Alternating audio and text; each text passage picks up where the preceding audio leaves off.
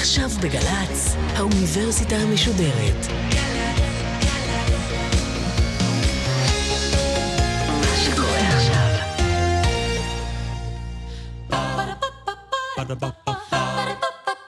מה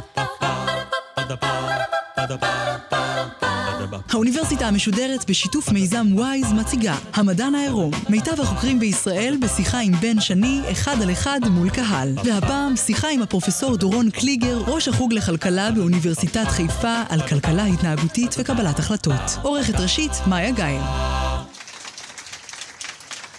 ערב טוב לכם, ערב טוב לקהל כאן בבר שאנן בחיפה. ערב טוב למאזיני האוניברסיטה המשודרת בגלי צה"ל. האורח שלנו הערב, הפרופסור דורון קליגר, חוקר ענף צעיר יחסית של הכלכלה, כלכלה התנהגותית. הכלכלה ההתנהגותית מנסה להסביר תופעות כלכליות שכולנו מכירים וערים להן, דרכים שבהם אנחנו מקבלים החלטות כלכליות באופן שלאו דווקא תואם את אינטרס התועלת שלנו. למה אנחנו מהמרים בלוטו למרות שברור לנו שהסיכוי לזכות נמוך? זאת שאלה שנענה עליה הערב? ננסה לפחות. ננסה לפחות. למה אנחנו לא חוסכים מספיק לפנסיה? איזה ביטוח מיותר אנחנו קונים ואיך בדיוק מוכרים לנו אותו? ואפילו נגיע לשאלה כיצד מזג האוויר משפיע על שוק ההון. הפרופסור דורון קליגר הוא ראש החוג לכלכלה באוניברסיטת חיפה. הוא לימד בארצות הברית בבית הספר למינהל עסקים וורטון של אוניברסיטת פנסילבניה. פרופסור קליגר, בוא נתחיל דווקא בכלכלה המסורתית. מה היא אמורה בעצם להסביר? איך אנחנו מקבלים החלטות שמה, שמייצרות עבורנו יותר כסף? אוקיי, okay, מה שאנחנו מכירים היום ככלכלה המסורתית קיבל הרבה תאוצה בספר שנכתב על ידי שני חוקרים ששמותיהם זה פון נוימן ומורגנשטרן בשנות ה-40 ואותם אה, חוקרים בעצם עיצבו כמה אקסיומות, כמה הנחות יסוד שמבססות בעצם עליהן בנוי, בנויים כל המודלים הכלכליים הרציונליים שאנחנו מכירים היום. אני זוכר שלפני שנה ישב בכיסא שלך פרופסור אומן, זוכה אה, פרס נובל בכלכלה, והסביר את כל ההתנהגויות שלנו כהתנהגויות רציונליות, גם אלה שהן לא רציונליות. בסופו של דבר הוא אמר, האדם תמיד רוצה לשפר את הערך שלו. לשפר את הערך של מה שהוא אה, מרוויח, שמקבל. נכון. זו הרציונליות. או, כלכלה רציונלית, אדם רוצה להשיא את עושרו, וגם יודע בצורה הכי טובה לעשות את זה. זאת אומרת, גם אם הוא עושה פעולה שלכאורה נראית לנו לא רציונלית, בסוף היא נועדה כדי להגשים מטרה רציונלית. הוא נתן לזה דוגמת הטרוריסט לצורך העניין, מבצע פעולה שהיא לחלוטין לא רציונלית, אפילו פעולת התאבדות, אפשר להסביר את זה כאל משהו ש, שרתום לכדי השגת המטרה. תמיד ההחלטות הן רציונליות. אז uh, זאת דוגמה באמת שאפשר להלביש מודל רציונלי על החלטות שנראות מאוד קיצוניות. אם אנחנו שופטים בצורה ככה אה, יבשה לפי האקסיומות, כן, אותו אדם באמת ממקסם את המטרה שלו, והשאלה אם הוא עושה את זה בצורה האפקטיבית ביותר. אם כן, אז אה, ההחלטה הזאת לא יכולה להיחשב כלא רציונלית. ובסופו של דבר, מה, מה מניחה הכלכלה המסורתית? שכל אחד מאיתנו יודע בתוך תוכו לקבל את ההחלטות הנכונות שישפרו את הערך של הנכסים שלו? נכון, ואפילו קצת יותר מזה, לא רק שיודע, אלא אין שום מאמץ לעשות את החישובים כדי להגיע לתוצאה הנכונה הזאת. מה, ככה התנהל המחקר של הכלכלה לאורך כל השנים, עד שהגיעה הכלכלה ההתנהגותית? אז uh, למרבית הפלא, זה היה המיינסטרים, אבל זה לא כל כך מוזר כמו שזה נשמע, כי בסך הכל, בשורה התחתונה, המודל הזה ידע להסביר די הרבה דברים. כלומר, הרבה מההחלטות הן באמת מונעות ממקסום של עושר, והן מוכוונות מטרה בצורה כזאת שהמודלים האלה כן ידעו איך אה, לתת לנו את התוצאה הנכונה. כמובן, אנחנו נמצאים במדעי החברה, המודלים שלנו הם לא כמו במאיץ החלקיקים בסרן, אז אנחנו, אם המודל מסביר נאמר 60% מהמציאות, אנחנו מרוצים עד הגג. וכמובן שהיו הפרות של המודל הזה לאורך זמן, אבל הסתכלו על זה בתור אה, סטיות תקן מסוימות, כאשר לאט לאט הצטברו עדויות שיש גם שיטתיות בתוך הטעויות האלה. אבל אמרנו, הבנתי שיש גם כן מושג שמתאר את האיש שמקבל את ההחלטות הרציונליות האלה. האיש שיודע למעשה את הכל, יודע לבחור את, ההחלט, את הבחירות הנכונות כדי למקסם את הערך של הנכסים שלו. נכון, אם אנחנו מסתכלים באבולוציה, אז uh, ההומו אקונומיקוס, זה אנחנו כנראה, אה, אמור לדעת את כל הדברים האלה. הומו אקונומיקוס. כן. מה הסברו של המושג הזה? דיק טיילר, אחד מהמובילים בתחום, דרך אגב, שפישט קצת את השם הזה, קורא, הוא קורא לאנשים פשוט Econs. אז אותם Econs, מה הם עושים? ה Econs האלה כמובן נשמעים להנחות הרציונליות כמו אלה ששמענו. הם ממקסמים פונקציית תועלת, שהפונקציה הזאת היא בעצם מסבירה איך אנחנו ממקסמים את העושר שלנו. את העושר בעין. כלומר, הנה קיצור דרך ראשון, עושר באלף, איך ממקסמים אותו. כלכלה בתוך מדעי החברה בעצם הסתפקה בלהגיד, נניח שאם יש לך הרבה כסף אז אתה תוכל גם למקסם את שאר הדברים. ואז לפונקציה הזאת בעצם יש תכונות מאוד מסוימות. כמו שאמרנו, המטרה של הפונקציה היא למקסם עושר, הפונקציה הזאת עולה לכן וכאורה, כלומר, ככל שיש לנו יותר כסף אנחנו יותר מאושרים. זאת הנחת לא היסוד של הכלכלה המסורתית. נכון. כאשר בנוסף הפונקציה הזאת עולה בקצב הולך ופוחת. כלומר, נורא חשוב לנו השקל הראשון שנרוויח, גם השקל השני חשוב, אבל פחות מהראשון. זה מוסיף לנו עושר באלף, אבל פחות ופחות. אז זה, על זה אתה מסתכל על המקומות שבהם אנחנו כבני אדם לא מתנהגים על פי, על פי אותה פונקציה? נכון. ובעצם אה, נגעת בשתי נקודות. אחת, השאלה מי מקבל את ההחלטות, והאם אנחנו מקבלים החלטות וממקסמים את העושר באלף שלנו או של אחרים. וההחלטה השנייה, מה נראה לנו באמת הגיוני לעשות שהוא מעבר למודל. אז בואו תגדיר לי בעצם את הענף הזה שאנחנו אומרים שהוא ענף צעיר יחסית בכלכלה, הכלכלה ההתנהגותית. מתי מתחילים הכלכלנים להבין שהם צריכים איזה שהם מודלים חדשים כדי להסביר את, את האופן שבו אנחנו מתנהלים כשאנחנו רוצים להעשיר את עצמנו? אז uh, ההתחלה בעצם התחילה בכלל לא בכלכלה, התחילה אצל שני פסיכולוגים, uh, עמוס טברסקי ודניאל קנמן. לאחר שנים דניאל קנמן קיבל פרס נובל על העבודות שלהם. עמוס טברסקי לא קיבל את הפרס מסיבה טכנית שלא נותנים פרס נובל לאדם לאחר שהוא נפטר. אז העבודות שלהם, אלה שני פסיכולוגים שישבו באוניברסיטה העברית והסתכלו ככה מבחוץ, איך אומרים, אורח לרגע רואה כל פגע? הסתכלו על המודלים הכלכליים ואמרו, תראו, זה לא עובד, וזה לא עובד, וזה לא עובד, שזה בסדר, לא, המודל לא חייב להסביר את הכל. אבל יש מכנה משותף בחלקים האלה שלא עובדים. ופה באמת הניצוץ של מדע חדש, או של ענף חדש במדע. לא רק להסביר למה דברים לא עובדים לפי המודלים הישנים, אלא לנסות לתת תיאוריה חדשה, שנותנת כוח הסבר נוסף. ככה נולדה הכלכלה ההתנהגותית? ככה נולדה הכלכלה ההתנהגותית בעיר הקודש, בשנות ה-70, בשנות ה-90 הם אה, כתבו עדיין עוד כמה עבודות מאוד מאוד חשובות, ופרס הנובל, תחנות הצדק טוחנות לאט ב-2002, אם אני לא טועה. שהם למעשה מה, יוצאים אל השטח, צופים על האופן שבו אנחנו מתנהלים, מקבלים את ההחלטות שלנו, ומה הם מזהים שם? כן, הם יוצאים אל השטח, ודרך אגב, הם גם עושים אה, מה שנקרא תרגילי מחשבה. הם אומרים, אנחנו יודעים כלכלה, ואנחנו לא היינו מתנהגים ככה. אז באותה אה, גישה, בעצם במקום אותה פונקציית תועלת, יש פונקציה אחרת שנקראת פונקציית ערך, value function. ה-value function, בניגוד לפונקציה הכלכלית, היא בכלל לא מסתכלת על עושר. כמובן שלעשות כסף זה טוב, אבל אנשים ממוקדים יותר בהאם הם הרוויחו או הפסידו מהמהלך. כלומר, מסתכלים עם דגש יתר, דגש לא רציונלי במרכאות, על האם הרווחתי או הפסדתי מכל שלב בתהליך.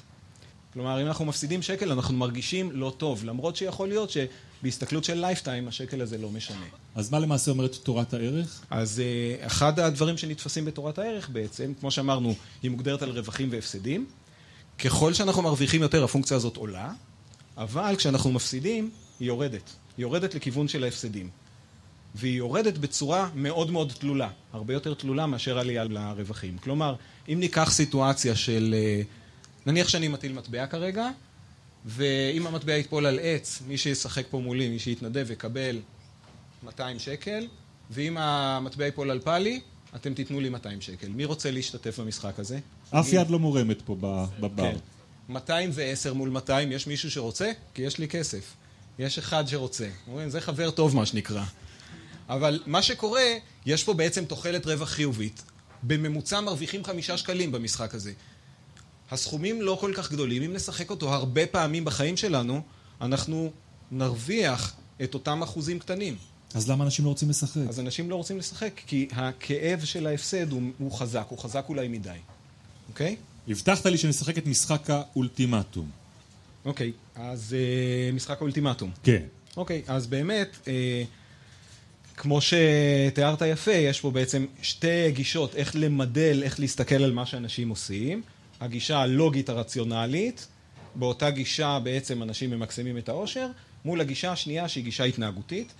בגישה הזאת אנשים אומנם יודעים שיותר זה יותר טוב, אבל הם לא יכולים לחשב באפס זמן, לוקח להם זמן לחשב דברים, ולכן הם מאמצים כל מיני כללי אצבע. והם עובדים אה, עם אה, מה שנקרא כל מיני כללי החלטה שהם לא ממש מחושבים ומדויקים. משחק האולטימטום זה משחק שנחקר ושוחק אלפי פעמים ואפילו יותר, ונחקר מכל זווית אפשרית. המשחק הולך אה, בצורה הבאה. אתה מקבל עשרה שקלים, ואתה צריך בעצם להחליט כמה מאותם עשרה שקלים אתה נותן לי. איפה הקאץ'? אם אתה תיתן לי משהו שאני לא אהיה מרוצה איתו, אני אגיד no deal, ואז שנינו לא נקבל את הכסף. אם אני אסכים, אנחנו נתחלק כפי שהצעת. אוקיי. אוקיי, אז נניח שבאמת קיבלת עשרה שקלים, כמה, כמה אתה רוצה לתת לי? חמישה? חמישה, יפה. אני קיבלתי. בואו נפתור את המשחק הזה לפי הגישה הכלכלית הרציונלית. איך אומן היה פותר אותו? בצורה הבאה. מה אני יכול לעשות? יש לי שתי אפשרויות. או להגיד כן ולצאת מפה עם חמישה שקלים, או להגיד לא, ואז אתה לא מקבל חמישה שקלים, אבל גם אני לא. אז אם אני ממקסם עושר, התשובה שלי ברורה. אני רוצה את החמישה שקלים? בוודאי. אוקיי. אבל רגע, רגע. גם אם היית מציע לי שני שקלים, או שקל, או אגורה אחת, הייתי צריך לעשות אותו דבר. אתה יודע, אתה גם רציונלית... לשקל אמור להסכים. נכון. ולכן, כמה תציע לי? חמישה? למה אני מציע לך חמישה ולא שקל? מה ההסבר?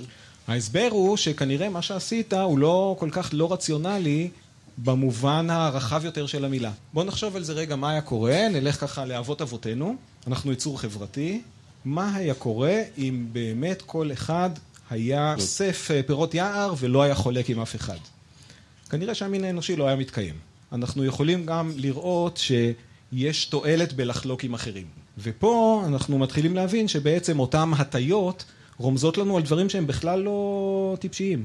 יכול להיות שיש, אנחנו פשוט הרבה יותר עשירים מאשר אותו מודל סטנדרטי. אז בואו ספר לנו על הטיות שכולנו מכירים בהתנהגות היומיומית שלנו, רק לא ידענו שיש להם שם ושאתם יודעים אה, אה, לחקור אותם אוקיי. ולמצוא אותם. אז יש כל מיני תופעות, והתופעות האלה לא מוסברות על ידי הכלכלה הרציונלית. למשל, רכישת אה, לוטו, לוטו. יחד עם אה, סלידה מסיכון, או רכישת ביטוח לאוטו. אוקיי. אותה פונקציית תועלת לא יכולה להסביר למה אנשים בו זמנית מבטחים בביטוח רשות כמובן את הרכב, וגם הולכים וקונים לוטו. כי אחת ההתנהגויות פה היא שונאת סיכון, והשנייה היא מחפשת סיכון. יש פה שתי התנהגויות סותרות. נכון. מה שונא סיכון? שונא סיכון, אחד שקונה את הביטוח. אומר, אני יודע שהנזק הוא נזק יקר מאוד, יכול להיות שיהיה נזק, יכול להיות שלא. אני מוכן לשלם כדי שאם יהיה נזק, מישהו אחר יישא בו. אני לא אסתכן בעלויות של הטוטל לוסט. נכון. אוקיי, מה לא הגיוני בלקנות כרטיס לוטו? לא בהכרח לא הגיוני, אבל מחפש סיכון. יש לי עשרה שקלים בטוחים בארנק, אני עכשיו קונה כרטיס הגרלה. אז או שהפסדתי את העשרה שקלים, או שהרווחתי. אז למה באמת אנשים בסופו של דבר קונים כרטיס לוטו שזה הדבר הכי לא הגיוני לעשות? אין סיכוי לזכות בלוטו. א', אנשים לא רק ממקסמים עושר. יכול להיות שהריגוש במשחק הוא חלק בעצם מהמוצר הזה שנקרא לוטו. אז מה עשו במפעל הפיס? אה, בעצם, אם אני רוצה ריגושים, אז אני נהנה במרכאות מכרטיס הלוטו הזה עד יום ההגרלה. אבל אני לא קונה בינתיים עוד כרטיסים. אז בוא נעשה פטנט חדש. כלומר, הרווח או ההפסד יהיו מיידיים. ואז הוצאתי עשרה שקלים, הרווחתי או הפסדתי, אני רוצה להמשיך, אני צריך עוד עשרה שקלים. הדבר הזה, לשמחתי, יבוטל. אין יותר מכונות הימורים בחדר האחורי של הקיוסק, ששם אפשר להפסיד את המשכורת. אוקיי, בכלל כל הנושא הזה של של הימורים ושל לוטו יש בו הרבה דברים שהם לא הגיוניים, נכון? נכון. דבר איתי על ההטיות. בוא ניתן עוד דוגמה של לוטו. אוקיי. אה, אתם אוהבים למלא ימי הולדת? מי, מי שממלא לוטו ממלא ימי הולדת? בדרך כלל. אתה מתחיל משלך, נכון? של אשתך, של הילדים, כן? עכשיו, אם אתם רוצים למקסם את הרווח הכספי, קודם כל אתם יודעים שלוטו זה עסקה די גרועה, כי בממוצע הפרסים זה רק חצי מהתשלומים. כלומר, בתוחלת, כפי שזה נקרא בסטטיסטיקה והסתברות, מפסידים 50%. אבל אם כבר רוצים למקסם את הסכום הזה, לא כדאי למלא ימי הולדת. למה לא כדאי? כי אם כולנו ממלאים ימי הולדת, ואכן אנשים עושים את זה, אז אם היה וזכה בגורל מספר בין 1 ל-12, כנראה שהיו לנו הרבה שותפים בפרס. כלומר, האסטרטגיה הזאת היא לא טובה, במובן שהסיכוי לזכות הוא אותו דבר, אבל גם הסיכוי לקבל, שות... הסיכוי לקבל שותפים עולה. דבר שונה הוא, הנה, נכנס החלק הלא רציונלי. כי אם אנחנו ממלאים את זה בשביל איזשהו סיפוק וחוויה וכיוצא בזה, אולי זה הרבה יותר כיף גם לזכות עם מספר היום הולדת שלי או של הילדה שלי. אז הנה עוד סטייה פה במודל הרציונלי. מה זו הטיית הסטטוס קוו? אוקיי. הטיית הסטטוס קוו, הטיה מאוד מאוד חזקה, אולי הכי חזקה אה, שאנחנו צופים בהתנהגות אנשים. והיא אומרת שכשיש לנו שתי ברירות, אחת לעשות משהו והשנייה לא לעשות אותו, אנחנו נוטים בצורה חזקה ללא לעשות כלום. שב ואל תעשה. שב ואל תעשה. איפה אנחנו רואים את זה? למשל, שנחזור הביתה היום נראה את הערימה של המכתבים מהבנק שלא פתחנו, ליד הטלפון. יש מגירה. זה בסדר, גם לי יש כאלה. אז אה, זאת דוגמה אחת. אה, דוגמאות יותר רציניות זה כרטיסי תרומת איברים. אוקיי. יש, אה, אפשר לחלק בצורה גסה את המדינות שיש בהן מנגנונים לתרומת איברים לשתי קטגוריות. קטגוריה שבה שיעור ההשתתפות הוא כעשרה אחוז, וקטגוריה אחרת ששיעור ההשתתפות הוא כ-90 אחוז. למשל, ניקח שתי מדינות דומות, בגרמניה תורמים 12 אחוז, באוסטריה תורמים אה, כמעט 100 אחוז, 99 אחוז. למה הם יותר, אה, מה? למה? מה נדיבים, יותר ליברליים, יותר... אה, אנשים יותר מודעים? לא, הם פשוט, כשהם מקבלים את רישיון הנהיגה, יש שני מנגנונים טיפ-טיפה שונים בקבלת ההחלטה. יש מדינות שבהם כדי אה, לקבל כרטיס אדי, כדי בעצם להסכים לתרום, אתה צריך לסמן וי קטן, אני מסכים בזאת לתרום את איבריי אם חס וחלילה יקרה כך וכך. יש מדינות שאומרות בעצם את הגישה ההפוכה. כל עוד לא אמרת אחרת, אתה בפנים. אתה לא רוצה, אין שום בעיה. זה גם לא כל כך קשה to מה שנקרא opt-out. לצאת החוצה מהתוכנית, רק תסמן וי. עשרה אחוז מסמנים וי. גם כאן וגם כאן, והנה התוצאה. אנחנו נוטים פחות להיות אקטיביים בכל, ה... נכון. בכל המהלכים האלה. נכון. אנחנו נוטים לאינרציה, אנחנו פחות עושים דברים. אני, יש לי את הבעיה הזאת עם הביטוח הסיעודי. אני איכשהו נכנסתי לתוכנית של ביטוח סיעודי, ואני לא מסוגל להפסיק את התוכנית הזאת. מה שקורה פה, מתערבת פה גם עוד הטיה. הטיה הזאת אה, נקראת סלידה מחרטה. אחרי שהשקעת כל כך הרבה שנים בביטוח סיעודי, חס וחלילה, ואני לא מאחל לך, אבל נניח שביטלת אותו היום וקרה משהו, איך תרגיש? נתנו לי שלושה חודשים בהתחלה בחינם, אני מניח, יפה. משהו אז כזה. השלושה האלה בחינם בדיוק עובדים על הנקודה הזאת. שאחרי, א', אינרציה, אנשים לא מבטלים, ודבר נוסף, אם באמת יש פה איזשהו ערך נצבר, כבר השקעתי כסף, התחלתי להשתמש בתוכנית, אז אני ארגיש, מה זה טמבל אם אני אפסיק אחר כך? כי כל מה ששילמתי עד היום, יצאתי נכון. פראייר. נכון. לכן גם אנשים שעושים את הצד וקונים כרטיס של מפעל הפיס עם מספר ידוע, לא מבטלים אותו. מאותה סיבה. אינרציה, אחד, אבל שתיים גם, אם אני אבטל אותו עכשיו ודווקא מחר הוא יזכה. אז דיברנו על uh, פחד מחרטה, דיברנו על הסטטוס קוו, לשמור על המקום, על המצב הקיים. מה זו הטיית ההווה? הטיית ההווה. אוקיי, אז אני אציג אותה בתור שאלה, שאלה אליך. בא לי לתת לך מתנה היום. בכיף. 100 שקלים, כאן על השולחן, אבל רגע, אם לא תיקח את 100 שקלים האלה, אני מציע לך משהו אחר, והוא 102 שקלים בעוד שבוע. כלומר, ניפגש שוב, נעשה עוד תוכנית אולי בתל אביב. 100 שקלים השבוע זה נראה. לי בכלל מתאים. אוקיי, 100 שקלים עכשיו במקום קצת יותר. אה, נשים את השאלה הזאת בצד ובואו נשאל שאלה לכאורה שונה. מה אתה מעדיף, 100 שקלים בעוד שנה, או 102 שקלים בעוד שנה ושבוע? לא, פה כבר אני מתחיל לחשוב. אוקיי, נלך על ה... אני מניח שאתה מכוון אותי לבקש 102 שקלים בעוד שנה ושבוע. נכון, למה? כי השבוע זה בעוד שנה, זה מבחינתי אותו, אותו דבר. בערך אותו זמן, אבל uh, בכל זאת, 2%, יש שם אחוז, יותר, אה, כן. 2 אחוז לשבוע זה משהו לא מבוטל. אז החלטנו שאנחנו משחקים את המשחק השני. שאני מחכה ל-102 עוד שנה ושבוע. כן. אוקיי, ביי, אנחנו נפרדים עכשיו. עברה שנה. עברה שנה, אהלן, מה כן. נשמע? נפגשנו שוב, ואתה יודע שאם היית בוחר אז, בתוכנית ההיא, בשאנן, 100, היית מקבל אותם עכשיו, אבל עכשיו אתה צריך לחכות עוד שבוע בשביל לקבל 102. אתה לא מתחרט. אתה אומר- אתה פוגש אותי עוד שנה, כן. פחות שבוע, ועכשיו אתה שואל אותי, תחכה עוד שבוע ל-102 שהם מגיעים לך, נכון. או שתיקח ממני את המאה היום. נכון, אבל בעצם ענית לי על זה כבר קודם. אני אקח את המאה. היום. נכון. אני אקח גם אז את המאה. חיכיתי שנה ואני אקח את המאה היום. נכון, כלומר אנחנו צופים בעצם היפוך העדפות בצורה שיטתית, אנחנו רגע, יודעים רגע, זה לחזות רק אותו. אני שאני לא כלכלן בראש שלי אעשה ככה, או שרוב האנשים רוב האנשים עושים כך. ינהגו כמוני? רוב האנשים ינהגו כמוך. למה? יש פה איזושהי מלחמה בין האני הנוכחי נקרא לו, והאני העתידי.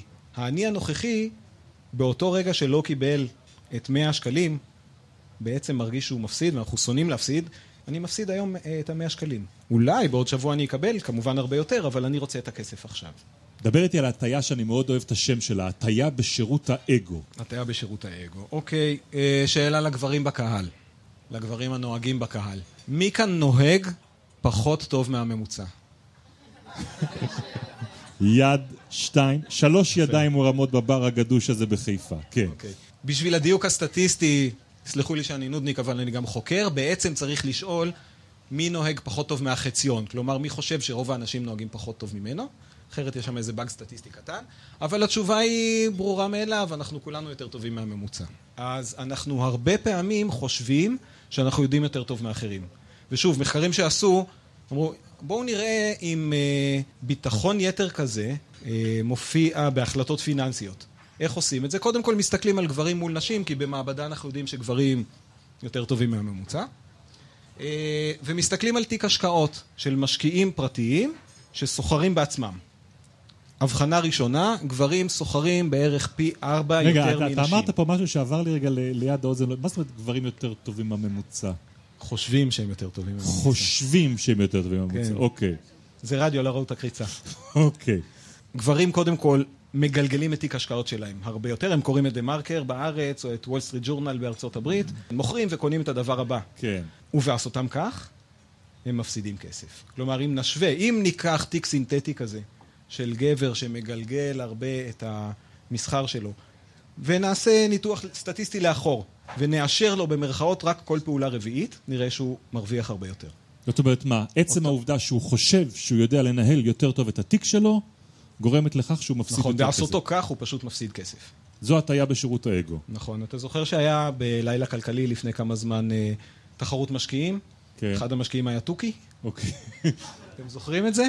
אז התוכי ניצח ובגדול. זה שיטתי, כלומר זה לא משהו שאנחנו רואים פעם אחת במשחק אחד ולא חוזר על עצמו. אה, פרופסור דורון קליגר, יש לנו כאן אה, קהל בבר הזה שנקרא בר השאנן בחיפה. אני מניח שכבר בשלב הזה יש גם כן הרבה שאלות שהיו רוצים אה, לשאול אותך, אז בבקשה. אני הקשבתי עכשיו וקראתי ספרים ותמיד עולה בי השאלה אם זה לא פשוט נכון להגיד שאנחנו פותרים בעיית אופטימיזציה וכשחוקרים לא יודעים להסביר מה אה, עומד מאחורי ההחלטות שלנו הם פשוט לא הצליחו למדל עדיין נכון את הבעיה הזאת. רגע, רגע, אומרים- בוא, בוא תסביר לנו, מה זאת אומרת בעיית אופטימיזציה? בעיית אופטימיזציה היא בעצם אומרת שיש לי מטרה, אני יכול להעלות גרף ולסמן עד כמה הגעתי למטרה הזאת, אותה פונקציית תועלת. אני רוצה להיות בפונקציה הזאת הכי גבוה שאפשר, הכי עשיר שאפשר. תחת המגבלות כמובן, וההחלטות שלי קובעות איפה אני אהיה בסוף. אז נכון, אנשים ממקסמים פונקציה, אבל הבדל ראשון, הם אולי ממקסמים פונקציה שהיא קצת יותר עשירה מאשר אותה פונקציה של המודל הרציונלי הקלאסי. כלומר, למשל, אכפת לנו גם מאחרים. כן. קודם דיברת על נחמדות. עכשיו, ברור שיש פה איזו סיבה, כדאי לי להיות נחמד לאחרים, כי בעתיד, אולי גם אם אני לא חושב על זה, אבולוציונית, הרי ברור שבסוף אני ארוויח מזה. עכשיו, השאלה פשוט מה המקדם שאני אמור להכפיל בפונקציית התועלת מנחמדות שלי. והשאלה אם לא פשוט, אנשים לא מצליחים למצוא, או שחוקרים שמנסים למדל התנהגות של אנשים עוד לא הצליחו למצוא את המקדם הנכון הזה, אה, בשביל להגיד שבאמת המציאות תואמת לתיאוריה, או שיותר קל לא למצוא אותו ולטעון שלא יודעים להסביר אה, התנהגות של אנשים. אוקיי, שאלה מצוינת. השאלה היא כזאת, אוקיי, אנחנו מסכימים שיש פונקציה יותר משוכללת, כלומר שלוקחת בחשבון לא רק כמה כסף מיידית אני מקבל, אלא לוקחת בחשבון אסטרטגיה שמניבה לי איזה שהן תוצאות עתידיות. אם אני אהיה. חבר טוב, אז מצבי בעתיד ישופר, ולכן כדאי לי לעשות את זה. אז קודם כל, נכון, כל ההטיות שאנחנו מוצאים אה, שהן סטיות ממודל רציונלי, הן לא בהכרח אומרות שמי שעשה אותם, סליחה על הביטוי, הוא מטומטם. חלק מההטיות האלה הן פשוט לוקחות אה, בחשבון מצב הרבה יותר עשיר מאשר המודל הסינתטי. ואתה יודע מה, גם את כל הדברים האלה, כל הדברים החדשים בכלכלה התנהגותית, הרבה פעמים כשחושבים עליהם אנחנו רואים שהחכמים שקדמו לנו גם הכירו אותם. עניי עירך קודמים למשל. למה? למה עניי עירך קודמים? כי כנראה יותר חשוב לשמר על הקהילה, יש לזה גם ערך הישרדותי. כן, עוד שאלה אחת בסבב הזה. אה, שאלה למה שאמרת, למה ידע בנושא הזה הוא לא כוח? למה גם המומחים עדיין טועים באותם דברים? ידע הוא כוח. אני יכול לתת לך דוגמה. עוד לפני שהמאמרים המדעיים מיסדו ובדקו את התופעות והוכיחו אותם בצורה סטטיסטית, העולם שמסביבנו כבר, נקרא לזה שועלי העסקים, כבר השתמשו בזה. לטובתם, ואם הרבה פעמים במשחק טובת האחד זה הרעה של האחר, אז הרבה פעמים זה לרעתנו כצרכנים. כלומר, זה שאתה נכנס לסופר עוד לפני שכלכלה התנהגותית נולדה, והחטיפים נמצאים ליד הקופה, ואם זה לא מספיק, הם נמצאים כמה מעלות מחושב, שתי מעלות בערך, מתחת לגובה אופק העיניים שלך, כדי שתיקח אותם בצורה אימפולסיבית, אז ידעו את זה. או כשאתה קונה רכב, אז החלטת שאתה כבר מוציא נגיד 100 אלף שקל, ואז אומרים לך, אתה יודע, יש איזה ספרי כזה שבעוד רק 1950 שקל לא יהיה לך חלודה לחמש שנים, ויש גם מערכת סטריאו שבעוד 3,000 שקל יש בה עוד כמה טונים ואיקולייזר, ואתה בעצם לוקח את התוספות האלה, זה גם כלכלה התנהגותית. כי לא היינו בחיי היום-יום, אני לא מכיר הרבה אנשים שילכו ויחליפו את המערכת באוטו בשלושת אלפים שקל כדי לשפר אותה. אבל כשאנחנו ניצבים בפני החלטה למשל של מאה אלף שקל, פלוס שלושת אלפים זה נראה כלום. אוקיי? אז יש בעצם איזשהו זום אפקט כזה, שהוא מאוד מאוד התנהגותי והוא לא רציונלי, ומשתמשים בו נגדנו. בינתיים, אה, פרופסור דורון קליגר, אל תלך לשום מקום. אנחנו נפרדים מהמאזינים שלנו בגלי צה"ל, הם יחזרו לשמוע את המפגש הזה בשבוע הבא, את ההמשך שלו. ובינתיים אנחנו נודה לעורכת שלנו, העורכת הראשית מאיה גאייר, אחראיות על ההפקה והתחקיר אביגיל קוש ולתום נשר, על הביצוע הטכני שלנו כאן בחיפה, דניאל שבתאי ובן קטן, תודה נוספת לרוסטיק שליגן. אנחנו במדען העירום של האוניברסיטה המשודרת, השותפים שלנו הם מיזם וויז, תעקבו אחרי, אחרינו ואחריהם בדף הפייסבוק כדי להצטרף למפגשים הבאים בסדרה הזאת, ועד הפעם הבאה, כאן מחיפה, לילה טוב.